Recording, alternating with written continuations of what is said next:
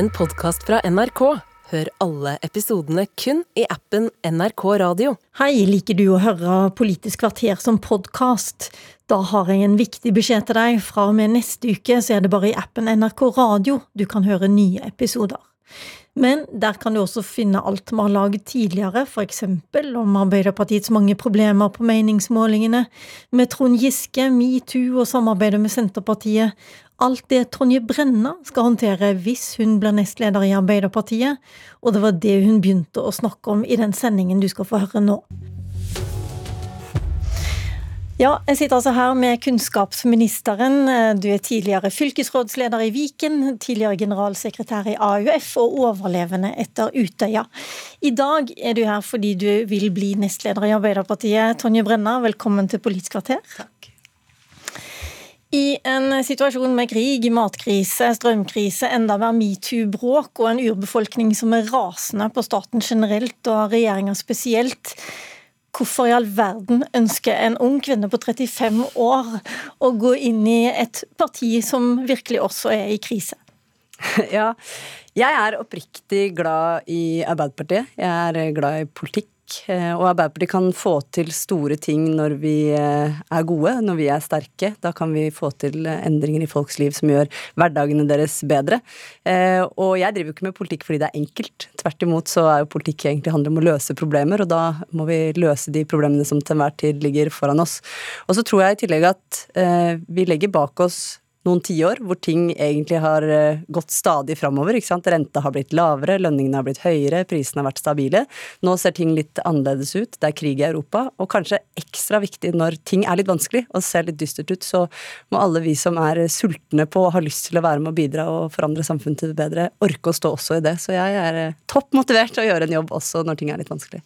Hvordan skal du fornye partiene? Det er mange som peker på at det er du som, som må gjøre det. og Akkurat nå ligger det jo an til at eh, tre, de tre som leder Arbeiderpartiet i dag, bare skal fortsette. Vel, Arbeiderpartiet fornyer seg jo sjøl eh, hver eneste dag. Det gjør vi gjennom å fornye politikken vår. Vi gjør det gjennom å få nye tillitsvalgte, nye ordførerkandidater, nye eh, mennesker som engasjerer seg i partiet vårt. Så fornyelse, det skjer hele tiden. Og så er jo eh, det å bidra med fornyelse, det er bra, i kombinasjon med at det også er erfaring som er med, og at vi er noen som gjenvelges, og noen som velges på nytt. Det tenker jeg egentlig er sunt for et parti. Men fornyelse er ikke opp til bare meg. Fornyelse er noe vi driver med hver eneste dag, både gjennom politikk og tillitsvalgte og kandidater til ulike verv. En annen som også har meldt seg på nestlederkampen, det er jo Hadia Tajik. Hun har vært nestleder tidligere og måtte gå av etter den pendlersaken. Um, vil du stille dersom det blir kampvotering mellom dere? Nå er jo jeg i den heldige situasjonen at jeg leder ikke valgkomiteen. Jeg har sagt ja til å være, eh, til, stå til disposisjon hvis eh, Arbeiderpartiet vil ha meg som nestleder, og så er det det var, det var, et svar som ikke var svar på dette spørsmålet, for det var hva gjør du dersom dere er to kandidater og det blir kampvotering på landsmøtet? Mm, nå har jeg sagt ja til at jeg stiller, så skal valgkomiteen gjøre en jobb. Jeg tror alle som noen gang har spådd utfall av både politiske konklusjoner og valg av personer inn i et eh, landsmøte i Arbeiderpartiet, har angra litt på at man i lang tid i forveien spådde hvordan det det skulle gå, så det skal jeg ikke gjøre. Men nå har jeg sagt at jeg stiller. Jeg gjør veldig gjerne den jobben. Og så må valgkomiteen gjøre sin sortering, og så er det til slutt landsmøtet som bestemmer. Tajik eh, ble spurt om å stille i dag. Det ønska hun ikke, kanskje seinere, sa hun faktisk. Eh, men om det så sier hun at eh, hun liker deg og jobben du gjør som kunnskapsministeren. Det er flott at du også er kandidat. Hva syns du om henne? Hadde jeg jobba godt sammen i regjering eh, den tida vi hadde sammen der, og jeg har et godt forhold til henne. Og så tenker jeg jo at det er bra at både hun og jeg og alle andre som eh, har lyst til å stille til verv i Arbeiderpartiet, gjør det. For det er jo et uttrykk for at Arbeiderpartiet er et viktig parti. Hvis Arbeiderpartiet var bare tull og tøys og ikke hadde innflytelse og ikke kunne løse noen ting, så hadde jo ikke folk stilt til valg. Så jeg tenker at det er grunnleggende bra at vi er flere om beinet. Og som sagt så er det de prosessene vi har fram mot landsmøtet som skal sortere på det, og så er det landsmøtet til slutt som bestemmer. La oss gå tilbake igjen til dette med fornyelse. Du brukte fire år som fylkesrådsleder i Viken, og så stemte du mot å oppløse dette storfylket som egentlig ingen ville ha. Men din regjering ønska jo egentlig å oppløse det storfylket. Eh, hvordan forklarer du måten du opptrådte på da? Arbeiderpartiet er jo et parti som ved alle valg bestandig egentlig har vært mest opptatt av å komme framover. At vi ikke skal se oss tilbake, men ta de utfordringene som ligger foran oss, og jobbe fram gode løsninger i det videre. Derfor har noen av de her reverseringssakene vært litt vanskelig for oss, selvfølgelig med litt sånn ulik inngang avhengig av hvor man har vært den i geografien. Men jeg mener eh, det er det ene. Jeg mener at Arbeiderpartiet bestandig skal videre framover, ikke nødvendigvis til valg på å reversere. Det andre er at jeg erfarte som fylkesrådsleder i Viken at det fungerte. Det var et fylke som klarte å løse oppgavene sine, og som eh, derfor kunne bestå. Og jeg mener jo at det er en viktig politisk oppgave å gjøre det viktigste først. Og det viktigste først, mener jeg, var ikke å få Viken oppløst, men å sørge for å levere de tjenestene som folk trenger i Viken. At bussen går, og at skolene er gode, at vi fikk løst stort og smått. Så det var min begrunnelse for det, og så ville andre ha andre meninger om det. Hva tenker du da om at din regjering gir signaler til Kristiansand om at eh, de må holde, de må sørge for at Søgne og Sogndalen får eh, holde folkeavstemning og løse seg opp eh, dersom de vil det, til tross for at kommunestyret i Kristiansand ikke vil det. Men som sagt, dette er veldig vanskelige saker, og de er ulike, har litt sånn ulik inngang avhengig av hvor du er hen i landet. Så tror jeg likevel at det er uttrykk for eh, noe annet, nemlig at eh, jeg har vært med i og vokst opp i et Arbeiderparti som er et samarbeidende parti. Hvis du snakker med politikere som er 30-40-50 år eldre enn meg, så vil de huske et Arbeiderparti som hadde nærmest rent flertall alene og kunne stå på sine primærstandpunkt, mens, mens, i dag så må vi samarbeide. Det er vi blitt ganske gode til. Jeg er veldig stolt av den måten Arbeiderpartiet danner allianse på, både i kommuner og fylker og i landet. men det er klart da må man prioritere på en litt annen måte med primær- og sekundærstandpunkt, og det er kanskje disse sakene eksempler på. Så reversering av kommuner, det er en av de sakene som er vanskelig i forhold til Senterpartiet? Jeg mener i hvert fall at det å stå på at vi skal være ansvarlige, vi skal løse det viktigste først, vi skal se framover, er viktig for Arbeiderpartiet. Og så vil jo Arbeiderpartiet også i de neste, eh, i all overskuelig fremtid egentlig, måtte være et parti som samarbeider med andre, og som må inngå kompromisser i saker og finne løsninger som kanskje ikke er primærstandpunktene våre. og det, Dette er eksempler på det. Det finnes også andre eksempler, men sånn er det å drive med politikk. Du må ta utgangspunkt i hva du vil løse, forhandle og gjøre så godt du kan, og prøve å komme ut på den andre siden med en løsning som er god for folk. Eh, blant eh, de gruppene som er virkelig skuffa over Arbeiderpartiet, det er de som ofte kalles at de sitter nederst ved bordet. Eh, du ser nå at matkøene vokser, og presset på Arbeiderpartiet og regjeringen øker. Nå vil flere av dine partifeller øke barnetrygda, og de vil se på nytt på denne arbeidslinja, som er et fryktelig begrep ifølge Oslo-byråden. Du vil ikke gjøre noen ting med noe av dette? For det første så mener jeg at regjeringa har gjort mye for å eh, bøte på den situasjonen vi er i med økte priser og at flere får det vanskelig. Eh, samtidig så mener jeg jo både historisk og framover at det som tar folk ut av fattigdom, det er arbeid.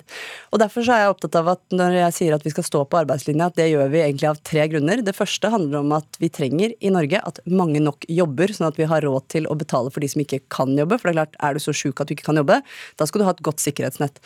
Det andre arbeidslinja handler om, det er at vi skal ha en aktiv arbeidsmarked arbeidsmarkedspolitikk som gjør at vi hele tiden politisk søker etter løsninger som gjør at flere kan inkluderes i arbeidslivet og være i meningsfull aktivitet. Og det siste, og vel så viktig, det er å se alle disse tingene i sammenheng med også stønader, støtte vi gir, og sørge for at det ikke er innlåsende. At vi ikke støter noen ut, at vi ikke sier at eh, vi gir deg opp, og sørger for at folk kommer i aktivitet. Så jeg Alt mener at dette kommer hele Arbeiderpartiet til å være helt enige om, men det de vil, det er å øke barnetrygden og si at vi eh, har vært for strenge på den arbeidslinja. Altså, jeg mener Det er litt to forskjellige ting. da, fordi Når jeg er skeptisk til å øke barnetrygden, så handler det om at det ikke er et treffsikkert grep nok. Eh, det at uh, vi har uh, barnetrygd i Norge, det er en universell velferdsordning. Jeg mener De universelle ordningene er viktige fordi at det gir brei oppslutning. Barnetrygden har ett kriterium, nemlig at du har barn, og det mener jeg er sunt og bra, fordi det gir oppslutning om en sånn universell gode. Så mener jeg at hvis poenget med å øke barnetrygden er å gi mer til de som trenger det mest, så må man finne mer målretta måter å gjøre det på. Jeg har ikke i dag behov for at barnetrygden øker selv selv om jeg har barn. Og da kan det sikkert gjøres på en mer treffsikker måte for å treffe de som trenger det mest. Men arbeidslinje og Da foreslår f.eks. For Hadia Tajik å vurdere skatt? Ja, det er vel et forslag fra Rogaland om å doble barnetrygden og skattlegge den. Jeg mener det er å gå vekk fra det prinsippet vi har stått lenge på, nemlig at det er en universell velferdsgode som kommer alle til gode nettopp fordi de har barn, og det mener jeg vi må stå på i framtida. Og så henger det sammen med arbeidslinja på den måten at vi er avhengig av at folk er i jobb for å holde hjula i gang, økonomien sunn og frisk, sørge for at vi har nok penger i dette landet til å hjelpe de som ikke kan jobbe. Og det er koblingen mellom de to. Men gode universelle ordninger er bra. Det gir også et større rom for mer treffsikre ordninger for de som trenger det spesielt. Og så mener jeg at Arbeiderpartiets mål alltid må være at flest mulig jobber kan, at flest mulig mennesker er i jobb, at man kan livnære seg sjøl, at du kan ha eh, kontroll på økonomien din og din egen skjebne, og bidra med noe meningsfullt i eh, et arbeidsfellesskap. Jeg tror du og Hadia Tajik får komme tilbake og snakke om barnetrygda, men eh, AUF støtter altså deg som nestleder i Arbeiderpartiet, og før jul så tok Astrid Hoem et kraftig oppgjør med Trond Giske, som hun mente er del av problemene som partiet har nå. Er du enig med AUF-lederen i det? Jeg mener nok at uh, Trond kunne vært litt mer opptatt av å bidra konstruktivt inn i det felles Arbeiderpartiet, ikke bare eh, bruke krefter på å kritisere partiledelsen. Samtidig så mener jeg at det er bra at vi har diskusjoner rundt omkring i partiet om ulike politiske løsninger. Så jeg forstår eh, Astrids eh, frustrasjon eh, veldig godt, og så tenker jeg at Arbeiderpartiet er også veldig mye mer enn Trond Giske. Vi er veldig mange tusen mennesker som er glad i dette partiet, og som hver eneste dag står på å gjøre en jobb, og det å vie oss selv og alle andre enn Trond Giske oppmerksomhet, det mener jeg egentlig er en viktig oppgave for Arbeiderpartiet framover. Fordi Arbeiderpartiet er større enn Trond Giske. Men jeg tror hun har mye rett, sa Jonas Gahr Støre i dette studioet dagen etterpå. Han støtta AUF-lederen. Ja, og det gjør jo også jeg. Jeg mener at eh, jeg skjønner veldig godt eh, Astrids behov for å påpeke det. Jeg skjønner også den frustrasjonen.